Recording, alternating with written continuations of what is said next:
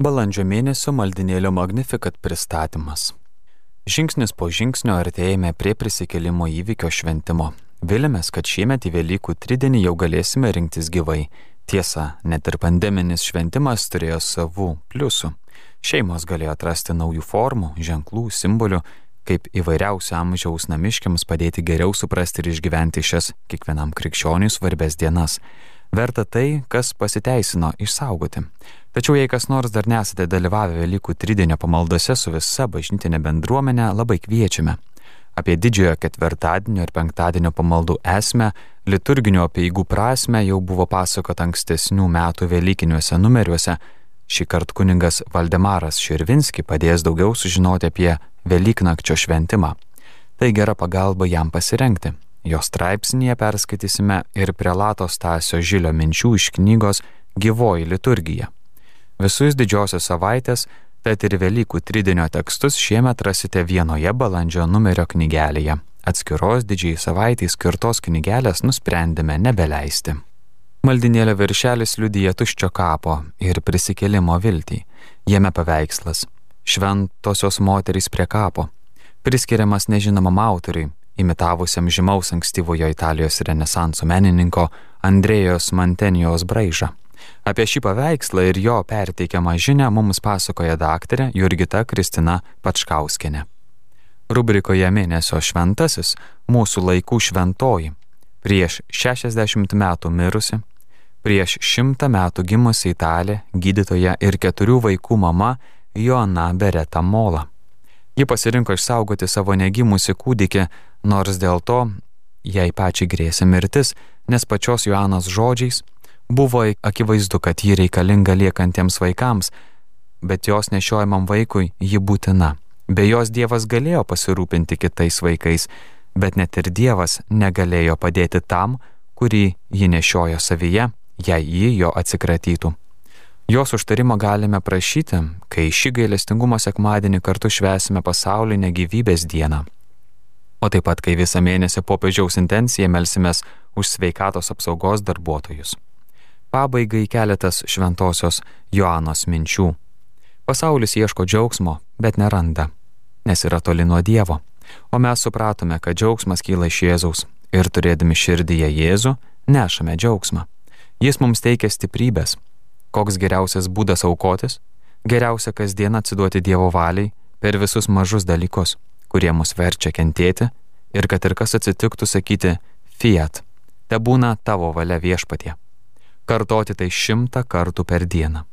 Pamėkime kryžių ir prisiminkime, kad ne vieni jį nešame, Jėzus mums padeda, o jame, kaip sako Šventasis Paulius, mes viską galime.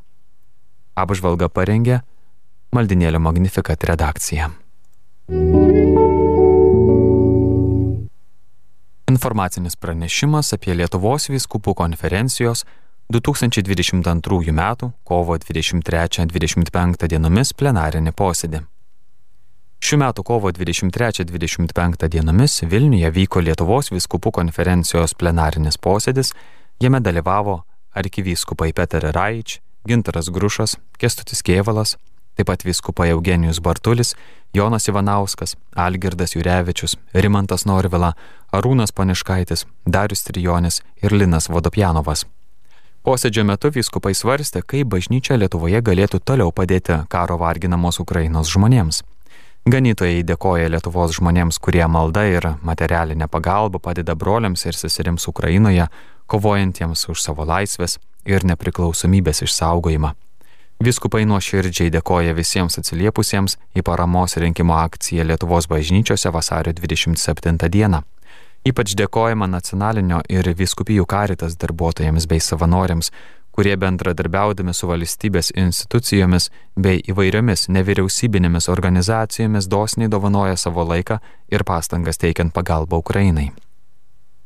Lietuvos viskupai kviečia visus geros valios žmonės kasdienę maldą bei pagalbą ir toliau remti tiek esančius Ukrainoje, tiek tuos, kurie atvyko į mūsų kraštą kaip karo pabėgėliai. Kartu prašoma susilaikyti nuo nepagarbos ir iškimo Lietuvoje gyvenantiems rusų tautybės žmonėms ar kitiems rusakalbėms. Ganytojai ragina stengtis išlaikyti vienybę mūsų valstybėje šiuo išbandymo metu, kad solidarumas ir tarpusavio pagarba, o ypač pagalba Ukrainai taptų krikščioniškosios meilės liudėjimu. Posėdėje dalyvavęs apaštalinis nuncijus arkivyskupas Peter Raič pasidžiaugė sklandžią sinodinio kelio Lietuvoje eiga. Posėdžio pradžioje viskupų sinodo nacionalinis referentas vyskupas Algirdas Jurevičius bei kiti viskupai apžvelgė sinodinio kelio eigą Lietuvoje. Gauta nemažai sinodinių įžvalgų, kai kuriuose viskupijose jau prasidėjo įžvalgų atrankos ir pasirašymo viskupijų sinodinės sintezės rengimui procesas. Toliau posėdėje svarstyti švietimo klausimai, aptarta nuolatinių diakonų rengimo dabartis ir perspektyvos, katechetų ir tikybos mokytojų tobulinimusių kursų vasarą surengimo galimybė. Šiaulių viskupijos katechetikos centro vadovė Danutė Kratukienė viskupams išsamei pristatė bendrosios tikybos programos naująjį modelį. Posėdžio metu ganytojai apsvarstė kelis liturgijos klausimus. Patvirtintas kremuotų palaikų laidojimo apieigino projektas, dabar jis bus siunčiamas į Dievo kulto ir sakramentų tvarkos kongregaciją. Toliau rengiami ir svarstomi Romos Mišiolo vertimo į lietuvių kalbą tekstai. Į posėdį susirinkę viskupai apsvarstė Silovados šalyje veikiančiuose pataisos namuose gerinimo galimybės.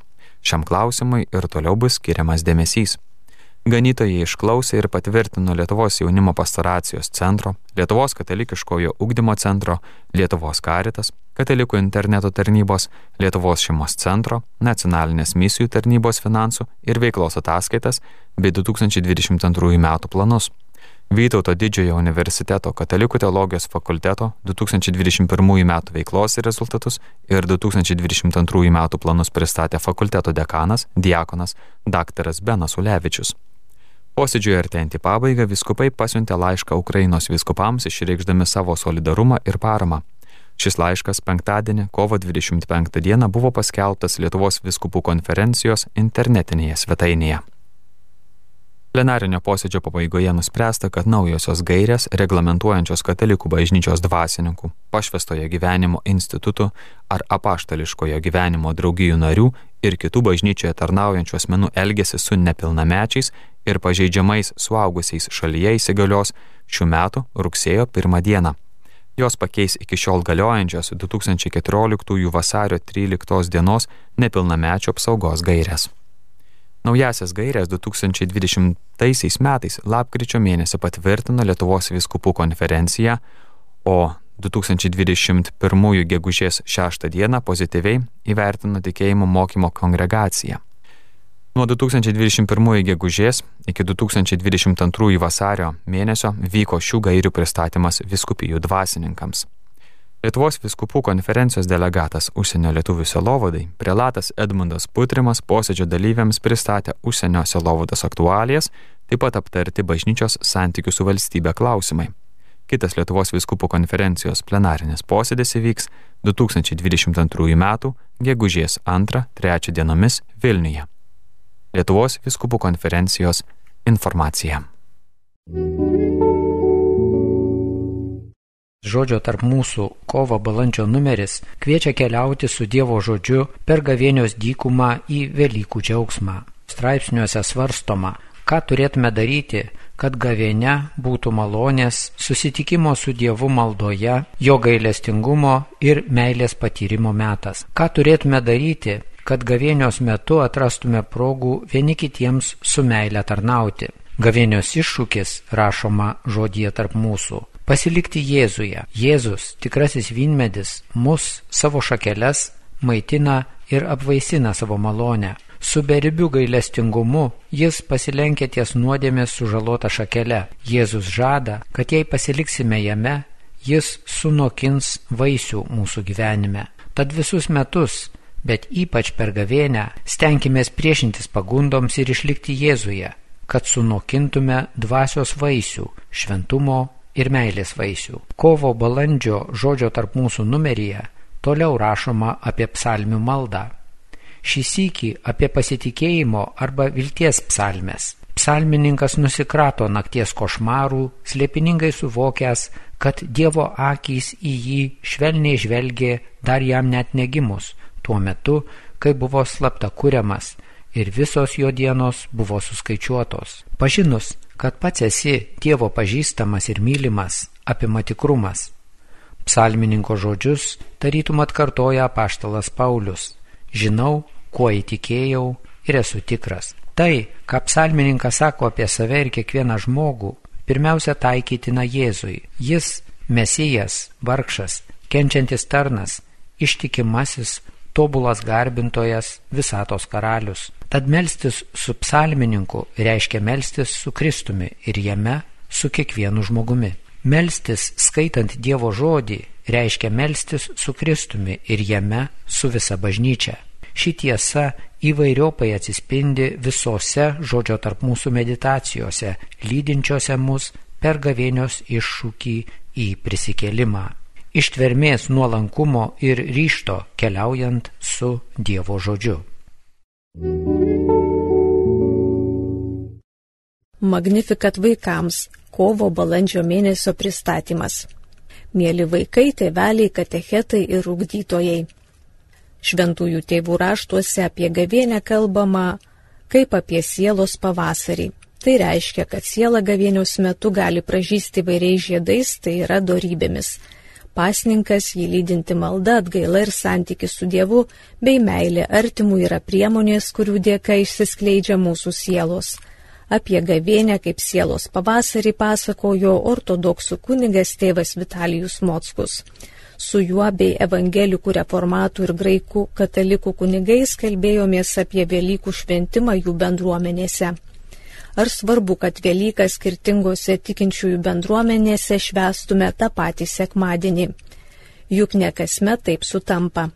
Kokios yra šių bendruomenių Velykų apėgos bei tradicijos? Ar teko girdėti, kad ortodoksų kuniga švestų Velykas kartu su katalikais, liuteronais ar evangelikais reformatais? Skaitykite apie tai šio numerio temoje. Per Velykų apeigas kai kurios bendruomenės skaito Šventojo Jono auksaburnio homiliją. Anot Jono Velykų neįmanoma apsakyti. Jis kalba cituodamas ir Šventojo Pauliaus žodžius. Kurgi mirtie tavasis gėluonis? Prisikėlė Kristus ir tu nugalėta, prisikėlė Kristus ir įsiviešpatavo gyvenimas. Girdėjome Magnifikat vaikams, antrojo numerio skirto kovui balandžiui pristatymą.